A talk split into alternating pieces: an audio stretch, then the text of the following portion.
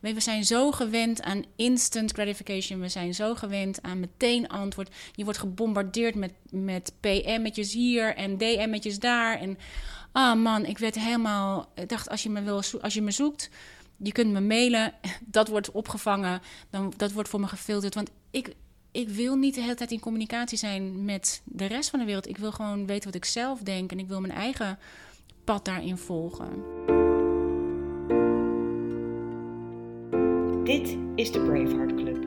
De podcast van happiness en schrijver en angstonderzoeker Rowanne van Voorst. Waarin we in gesprek gaan met moedige mensen. Vrije denkers. Mensen die tegen de stroom in durven te gaan.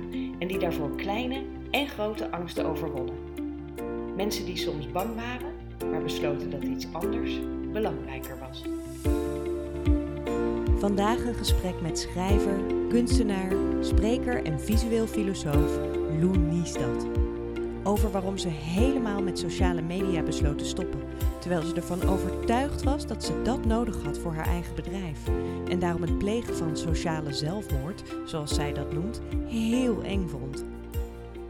Over de nieuwe rust die ze vond in haar leven, de ruimte in haar hoofd en de hang naar een avontuurlijk, authentiek, offline leven. Ik uh, spreek in deze podcast met mensen die ik moedig vind of dapper. Nou, heb jij al een paar keer tegen mij gezegd: ik vind mezelf helemaal niet zo moedig of niet zo dapper. Maar wat is moed voor jou, volgens jou? Ja, dat is dan op zichzelf wel een interessante vraag. Want ik leg het natuurlijk naast hoe moedig ik al die andere mensen vind als het gaat om, ja, je mag uitgezonden worden naar Afghanistan. Dat is wat ik moedig vind.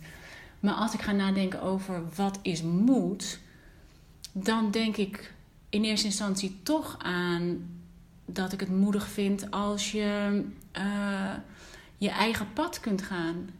Dus dat is wel eigenlijk wel een hele leuke vraag. Want ik denk elke keer, ja, wat is hier nou moedig aan? Maar het is elke keer zo'n uitdaging om het ook werkelijk te doen.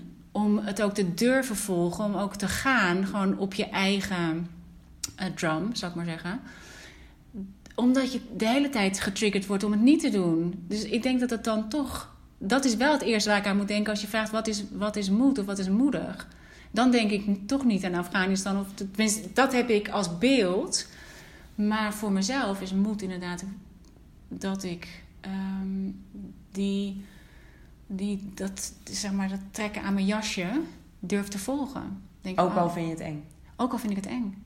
Ook al weet ik niet waar het heen gaat. Ook al heb ik geen idee Ehm, waarom ik.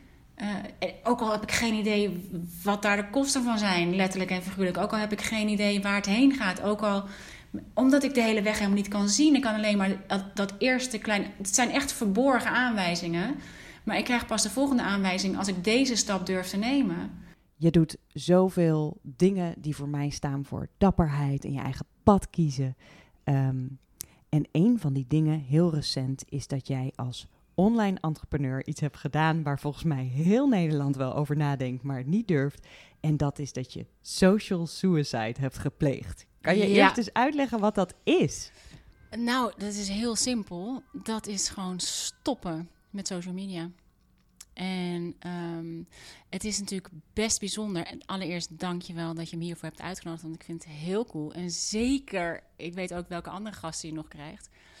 Dat wij social suicide zien als iets wat dapper is en moedig is, dat op zichzelf zegt al iets over hoe we denken over, over social media en over hoe afhankelijk we daarvan zijn. Want anders zou, daar, zou dat helemaal niet dapper en moedig zijn. Nee, dat is waar. Want kan jij vertellen, um, als je online ondernemer bent, ik ben er zelf ook een, dan heb je een klantenbestand, je moet eigenlijk constant uh, laten zien dat je er bent, zodat mensen jouw trainingen kunnen kopen of jou kunnen volgen. Wat vond jij het eng om dit te doen? Ja, ja omdat ik ook mijn succes te danken heb aan social media. Ik heb mijn, mijn allereerste boek, Groot in mijn slepend leven, een ode aan dagelijkse sleur, heb ik te danken aan Facebook. Hè, dat nog helemaal back in the day toen Facebook gewoon nog voor vrienden was. En, en uh, ik daar mijn dagelijkse journal op zette. En dat deelde via social media. Ja, dat heeft uiteindelijk via via geleid tot een uitgever die zei: Wil jij voor ons niet een boek maken? Ik had dus zonder Facebook. Er was niemand naar mijn huis gekomen om in mijn boekenkast te kijken of ik nog iets had wat zij uit zouden willen geven. Dus ik, ik, had, een, ik had ook een gek soort loyaliteitsconflict. Dat ik dacht, ja, maar ik, ik heb, ben daar afhankelijk van. En uh, ik heb ook opgebouwd wat ik tot nu toe heb door onder andere door social media. Maar heel social media landschap is natuurlijk best wel veranderd in de loop der tijd. En ja, ik vond het heel eng omdat ik oprecht dacht dat ik zonder niet een online business zou kunnen hebben. Dus om die keuze te maken, dat kwam vooral door een, een. En weet je wat het is? Het is ook een beetje. Dit valt voor mij een beetje onder. Ehm, hoe meer je weet, hoe minder je weet. Want ik wist ook dat ik had zo. Ik, ik had op een gegeven moment zo'n uh, weerstand om erop te gaan. En elke keer dacht ik, ja, maar dat is gewoon een, uh, uh, een beperkte overtuiging over zichtbaarheid. Ik ben gewoon bang om zichtbaar te zijn. Ik ben bang hoe groter ik word, hoe zichtbaarder ik word. Hoe... Weet je, dus je weet ook dat dat een uh, belemmering kan zijn. Dus dacht ik, oh, ik heb daar natuurlijk een beperking op zitten. Ik moet gewoon werken aan mijn zichtbaarheid. Ik moet gewoon niet zo piepen. Elke baan heeft iets wat je niet leuk vindt. Dit is gewoon iets wat je moet doen. En later realiseerde ik me dat ik dacht: nee, het is niet een. Het is niet. Uh, het heeft niks te maken met zichtbaarheid. Ik heb gewoon een diepe behoefte aan onzichtbaarheid. En als je kijkt, want ik denk dat ook mensen die geen zelfstandig ondernemer zijn, um, die zullen ook wel herkennen dat er, er zit ook gewoon een andere verslaving voor de meeste Ja. mensen. Hè? 's ochtends wakker worden en gelijk op je telefoon kijken. Had jij dat ook? Ja, ik ben sowieso redelijk verslavingsgevoelig. En ehm, ja, het, en, en, en ik kan, en ik sterk nog, ik kan mezelf best wel goed eh, er- ervoor zorgen dat ik er niet op ga. Maar ik voel de poel wel. Dus ik, ik reageer nog niet eens per se. Ik, ik doe het nog niet eens per se. Ik, ik doe keurig gewoon eerst mediteren en eerst schrijven en eerst contact maken met mezelf. Al die dingen, weet je, ik kan hem nog redelijk goed laten liggen, maar ik voel hem de hele tijd. En dat gevoel, dat, ik moet de hele tijd soort van stevig in mijn schoenen staan om het niet te doen. Terwijl ik gewoon ook op blote voeten kan leven en wil leven. Dat ik dacht, ja, waarom zou ik dat, waarom zou ik dat doen?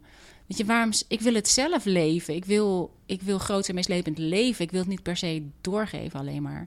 En, en wat is er gebeurd op de dag? Weet je dat nog? Die dag dat je echt zo zei: ik ga nu van Facebook af. Ik ga nu Ja. van Instagram af. Ja, en dat was omdat ja, we hadden toen, ik, ik ben denk ik ergens in mei of zo eh, er helemaal afgegaan.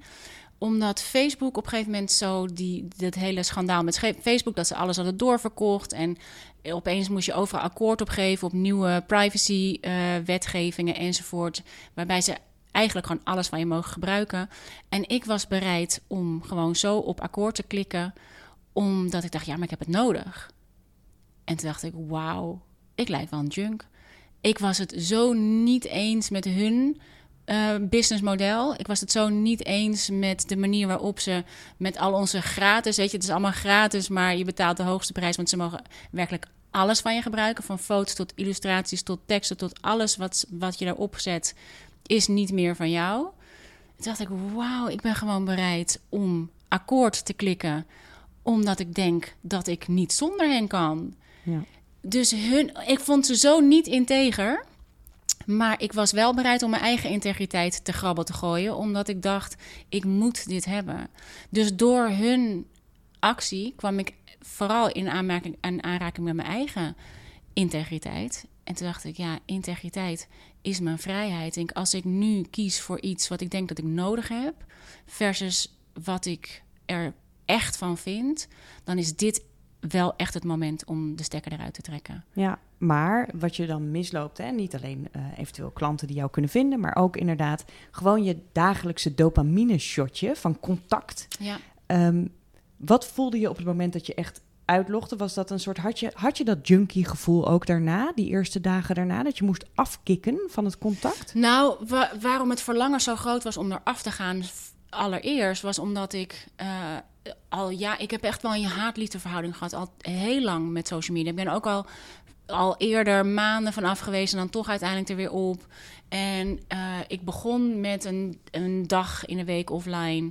Maar dat was echt te weinig. Want dan, toen zat ik nog de hele dag te denken: ik moet eigenlijk denken, oh nee. Toen werd het een weekend. En toen dacht ik na dat weekend: ja, maar nu begin ik net een beetje in te komen. Toen had ik mezelf de ruimte gegeven om één keer per maand een week offline te zijn. Elke keer als het nieuwe maan was, dacht ik: oh, dan ga ik van nieuwe maan tot eerste kwartier. Als alles donker is, dan ga ik ook uh, ga ik offline. En ik vond het zo lekker. En ik moest elke keer na die week offline mezelf echt motiveren om er weer op te gaan. Ik vond het zo lekker om niet de hele tijd die pool te hebben. Niet dat je weer gewoon bent waar je bent. Weet je, dat je niet met alles wat je doet ook de neiging hebt om het te delen. Onder het mom van inspiratie. Of de hele tijd te gaan kijken onder het mom van inspiratie. Dat, dat ik toen dacht, ik kan het ook omdraaien. Ik kan ook drie weken offline gaan en één week online. Toen dacht ik, jemig man, ik probeer mezelf gewoon in een soort cursus... Ik, heb de vrijheid van een entrepreneur. Ik heb de vrijheid van een schrijver. Ik heb de vrijheid om zelf te bepalen hoe ik mijn werk wil invullen. en ik ga me hier in een soort keurslijf proberen te, te drukken... om... Uh, om maar te voldoen aan wat ik denk dat ik zou moeten doen. Maar juist door steeds die, die vrijheid ietsje te vergroten om er af te zijn, wist ik heel goed hoe, hoe ik me voel als ik er niet op ben. En hoe ik mezelf dus toch elke keer probeerde te motiveren om weer te gaan. Ik moest heel vaak denken aan een documentaire van Katy Perry. Daarin is zij op een gegeven moment zo back af van dat hele toeren. Dus zie je haar echt in tranen. Staat ze klaar al om op het podium te gaan. En ze staat, en ze wordt zo omhoog gelift het podium op. En ze staat al op dat plateau. Helemaal in tranen. En elke keer zegt ze: Oké, nu. Nee, nee, nee, nee, nee, nee. Nog even wachten. Nog even wachten. Uh, nee, Oké, nu. En de tranen weer afvegen. Oké, go. No, no, no, no. Just wait. No, no, no. Oké, weet je, dus drie, vier keer totdat ze echt gaat. En dan staat ze daar soort van stralend te doen, terwijl ze zich helemaal niet zo voelt. En dacht, dat is precies het gevoel. Elke keer dacht ik, oké, nog heel even wachten en dan ga ik. Dan ga ik er wel op. Nog heel even wachten en dan, dan ga ik wel kijken. Maar ik had het gevoel alsof ik overal post had liggen wat op me lag te wachten. Dat ik overal moet reageren. Overal. We zijn zo gewend aan instant gratification. We zijn zo gewend aan meteen antwoord. Je wordt gebombardeerd met, met PM'tjes hier en DM'tjes daar. En ah oh man, ik werd helemaal. Ik dacht, als je me, wil, als je me zoekt. Je kunt me mailen, dat wordt opgevangen, dan, dat wordt voor me gefilterd. Want ik, ik wil niet de hele tijd in communicatie zijn met de rest van de wereld. Ik wil gewoon weten wat ik zelf denk en ik wil mijn eigen pad daarin volgen. Ja, dus dat verlangen was eigenlijk groter dan de angst over wat het zou gaan. En dat had ik ook echt nodig. Dat had ik ook echt nodig, want daardoor had ik, wist ik ook wat het voor mijzelf betekende als ik er niet op was. En ik wil gewoon heel graag zo leven. En als dat consequenties heeft voor mijn business, wat het uiteraard ongetwijfeld heeft. Ehm, Alleen stoppen met social media weet ik niet zo goed, omdat ik niet zo goed. Ik deed niet aan Facebook ads bijvoorbeeld, omdat ik daar al niet in wilde investeren. Uh, het zijn de Facebook-advertenties, hè? voor mensen die dat niet weten. Ja. De advertenties die je via Facebook, dus dat je betaalt voor je content. En zij bepalen het hele algoritme. Zij bepalen wie het wel of niet te zien krijgt. Dacht, daar wilde ik sowieso al niet meer aan meedoen. Maar ik weet niet wat het direct kost, omdat ik, ik, je kan het waarschijnlijk wel meten, maar ik weet niet hoe, hoeveel er van social media naar je, uiteindelijk je shop of naar je e-courses komen. Maar het heeft veel meer in werking gezet. Want toen ik eenmaal die keuze durfde te maken.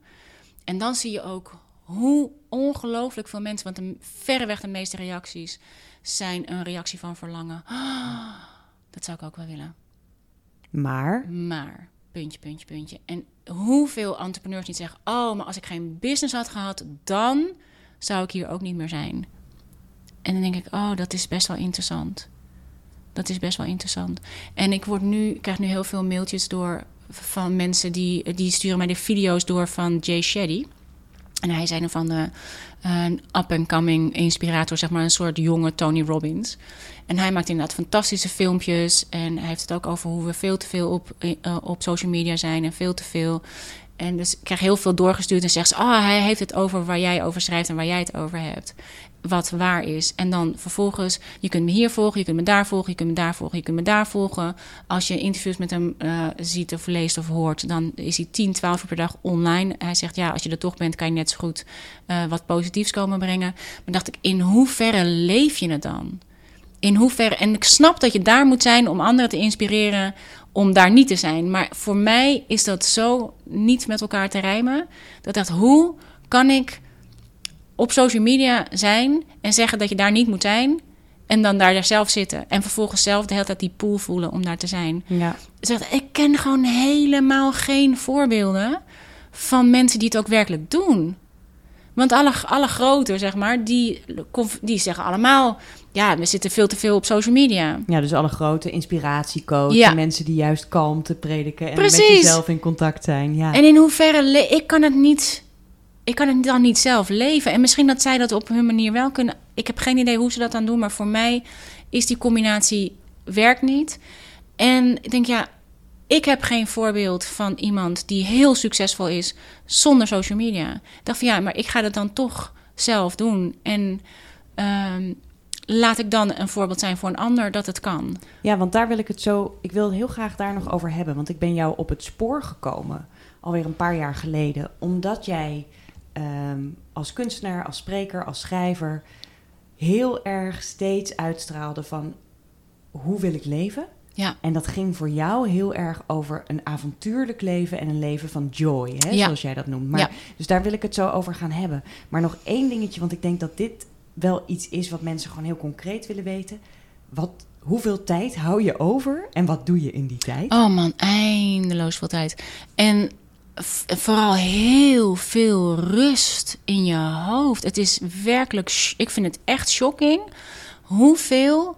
eh, maar ik denk ook hoeveel hoofdstukken ik had kunnen schrijven voor de, voor de post die je schrijft. Hoeveel eh, alle content die je de hele tijd maar aan het creëren bent, hoeveel je daarvoor kan schrijven. En hoe ik dus ook in mijn hoofd al bezig was met alles wat ik deed, in mijn hoofd al bijna een post erbij aan het schrijven was. Over als ik dat dan zou delen, wat ik dan moest schrijven. Dat, dus het, het is vooral ook ruimte in je, in je hoofd.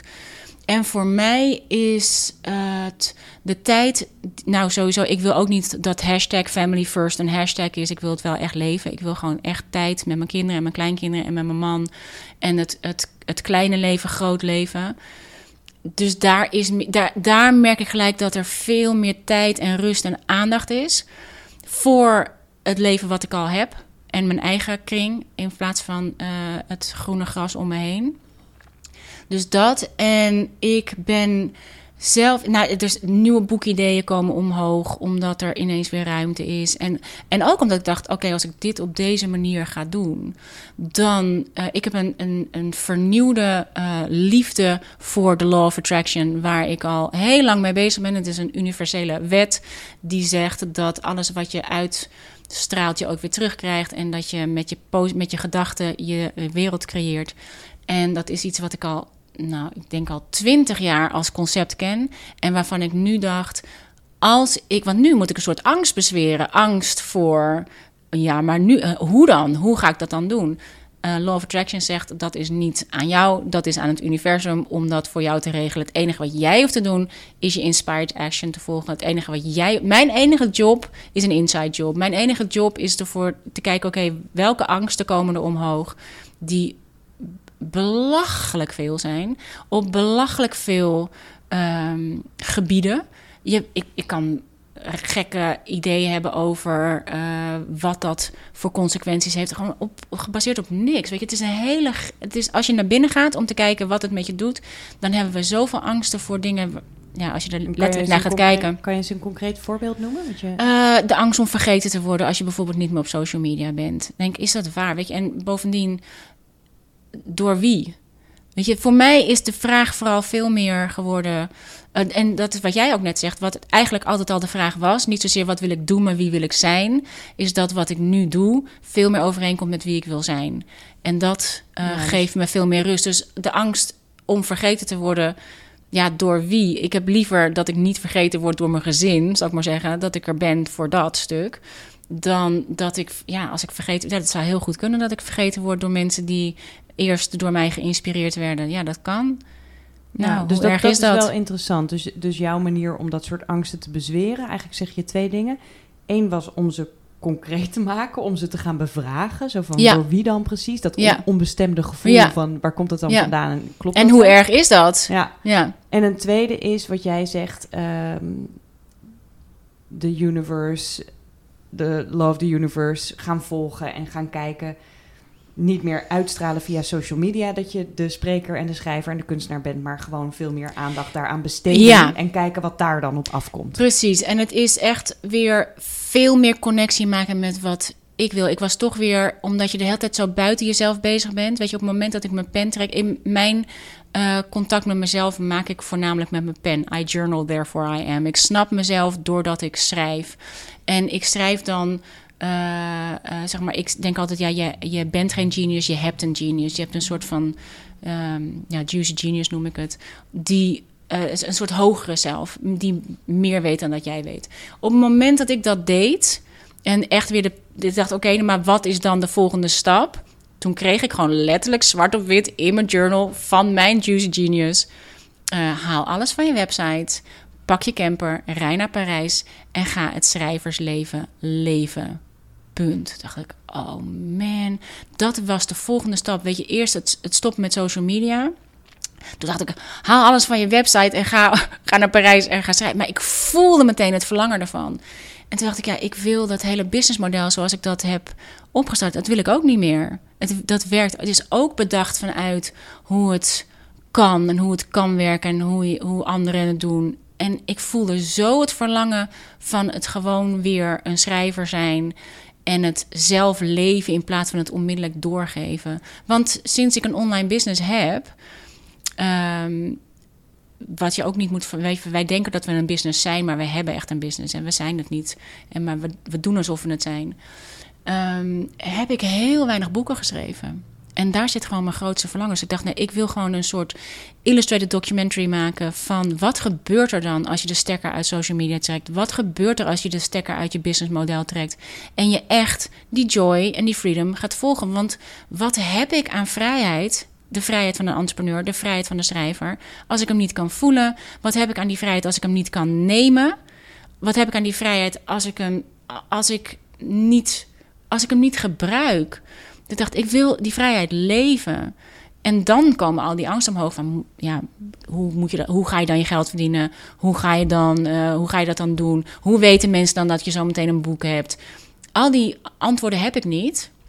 Maar dat is dus ook niet aan mij. En om weer te vertrouwen op die law of attraction, ben ik gewoon weer alle dingen gaan doen. Zeg maar, je kunt allerlei experimenten doen om, te, om, om, die, om het universum te testen, zou ik maar zeggen. Ja, dat doe jij ook. Hè? Je hebt een eigen podcast. Ja. Ehm, Ja, want dat, en dat is heel leuk. Ja, we hebben bij de Lab of Attraction heb ik samen met, eh, met Sophie Ditmer van Sophie's Choice. Want ik zei tegen, tegen haar, ik ga om te kijken of ik... ehm, ik was weer het boek E-Squared gaan lezen van Pam Grout. En daarin staan negen experimenten over hoe je kunt bewijzen dat je gedachten inderdaad de werkelijkheid creëren. En nou is het niet per se, het is waar dat je gedachten de werkelijkheid creëren, maar in principe eh, creëren je gedachten een emotie. En die emotie creëert de werkelijkheid. En daarom kan het dus heel goed zijn dat je een soort van positief denkt, maar je negatief voelt. Dus dat je een soort onderstroom hebt die de andere kant op stroomt en je, je manifesteert wat je voelt. bijvoorbeeld omdat je iets wel graag wil, maar toch nog angst voelt. Precies. Maar zo kan het dus ook zijn. En dit is voor mij waarom ik weet dat social media niet per se de weg is voor mij. Omdat elke keer het posten op social media en elke keer zeg maar positief doen, versus je werkelijk positief voelen. Ehm, of dat je denkt, ja, jee, maar weet je, deze tijd had ik ook anders kunnen besteden. Of onder het mom van inspiratie, of onder het mom van. Maar ik dacht, ja, ik ben toch ook gewoon een soort van groen gras aan het creëren voor iemand anders. En ehm, dat ik. Door een bohemian schrijversleven Ja, dat, doen. want je laat een mooie plaatjes zien. En, je, en ik dacht, ja, het, het is allemaal niet niet waar, maar het is niet het hele verhaal. Het is niet alles. En nu krijg je natuurlijk de hele tendens dat we allemaal laten zien wat er niet goed is in ons leven. Maar ik dacht, het is nog steeds allemaal het leven buiten mezelf. Want als ik het voor mezelf leef, dan, leef ik het, dan voel ik het echt. En als ik het buiten mezelf leef, dan wordt het een plaatje ook voor mezelf. En hoe ik jou heb leren kennen, en dat, daarom vind ik je in heel veel eh, opzichten wel een onconventionele manier van leven hebben, is dat jij probeert wel steeds in te checken hè, met jezelf van hoe wil ik leven, hoe wil ik dan ondernemen.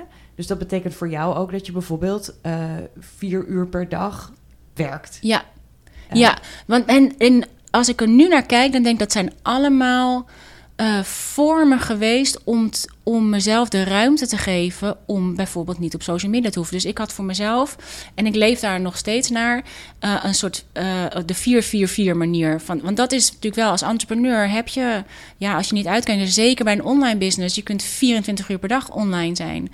Dus je, om jezelf een, soort van office hours te geven, dat ik nou vier uur werken vind ik per dag en dan heb ik het over vier uur output. Want schrijven, nou dat weet jij ook, schrijven is niet alleen het schrijven zelf. Het is niet alleen de output. Het zit ook heel veel in, uh, in mijmeren. Het zit heel veel in voor mij in zwerven met de honden. Het zit in heel veel andere dingen.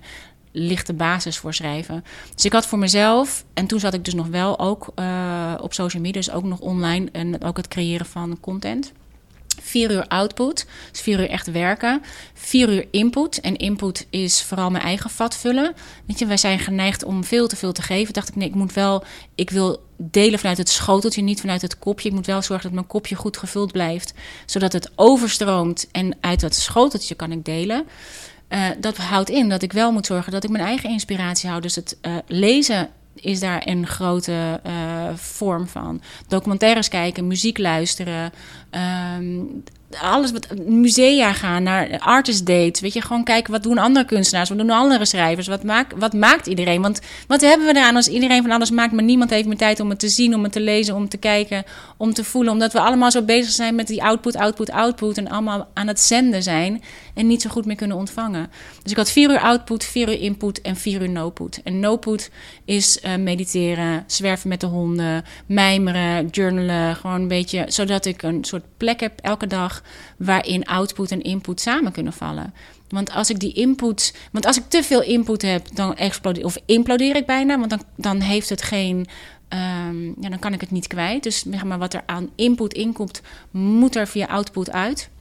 Maar ik heb de no-put nodig om daar mijn eigen uh, ding van te maken. Dus dat was heel helpvol voor mij om, uh, om met name de input uh, veilig te stellen en de no-put veilig te stellen. Want ik kan continu in de output gaan en altijd maar creëren. Nou, ik herken het. Ik bedoel, als schrijver, daarin vonden wij elkaar natuurlijk ook ja. wel. Uh, als schrijver werk ik ook zo. En ook de creatievelingen die ik begeleid, die, die help ik soms een beetje aan zo'n structuur. Dus, dus ga nou eens uit die 9 tot 5 uur en probeer eens te kijken wat er gebeurt als je geconcentreerd werkt, maar wel korter. Maar wat ik wel heel dapper vind aan jou is dat jij, ik ben wel echt een werkpaard daardoorheen. He, dus ik ben wel heel consequent en jij gaat volgens mij nog meer op je gevoel af van ja, ik voel inderdaad, ik wil met mijn campertje in mijn eentje naar Parijs ja. rijden en dan doe je dat. Vind je dat op zo'n moment dan nog spannend of is dat alleen maar verlangen?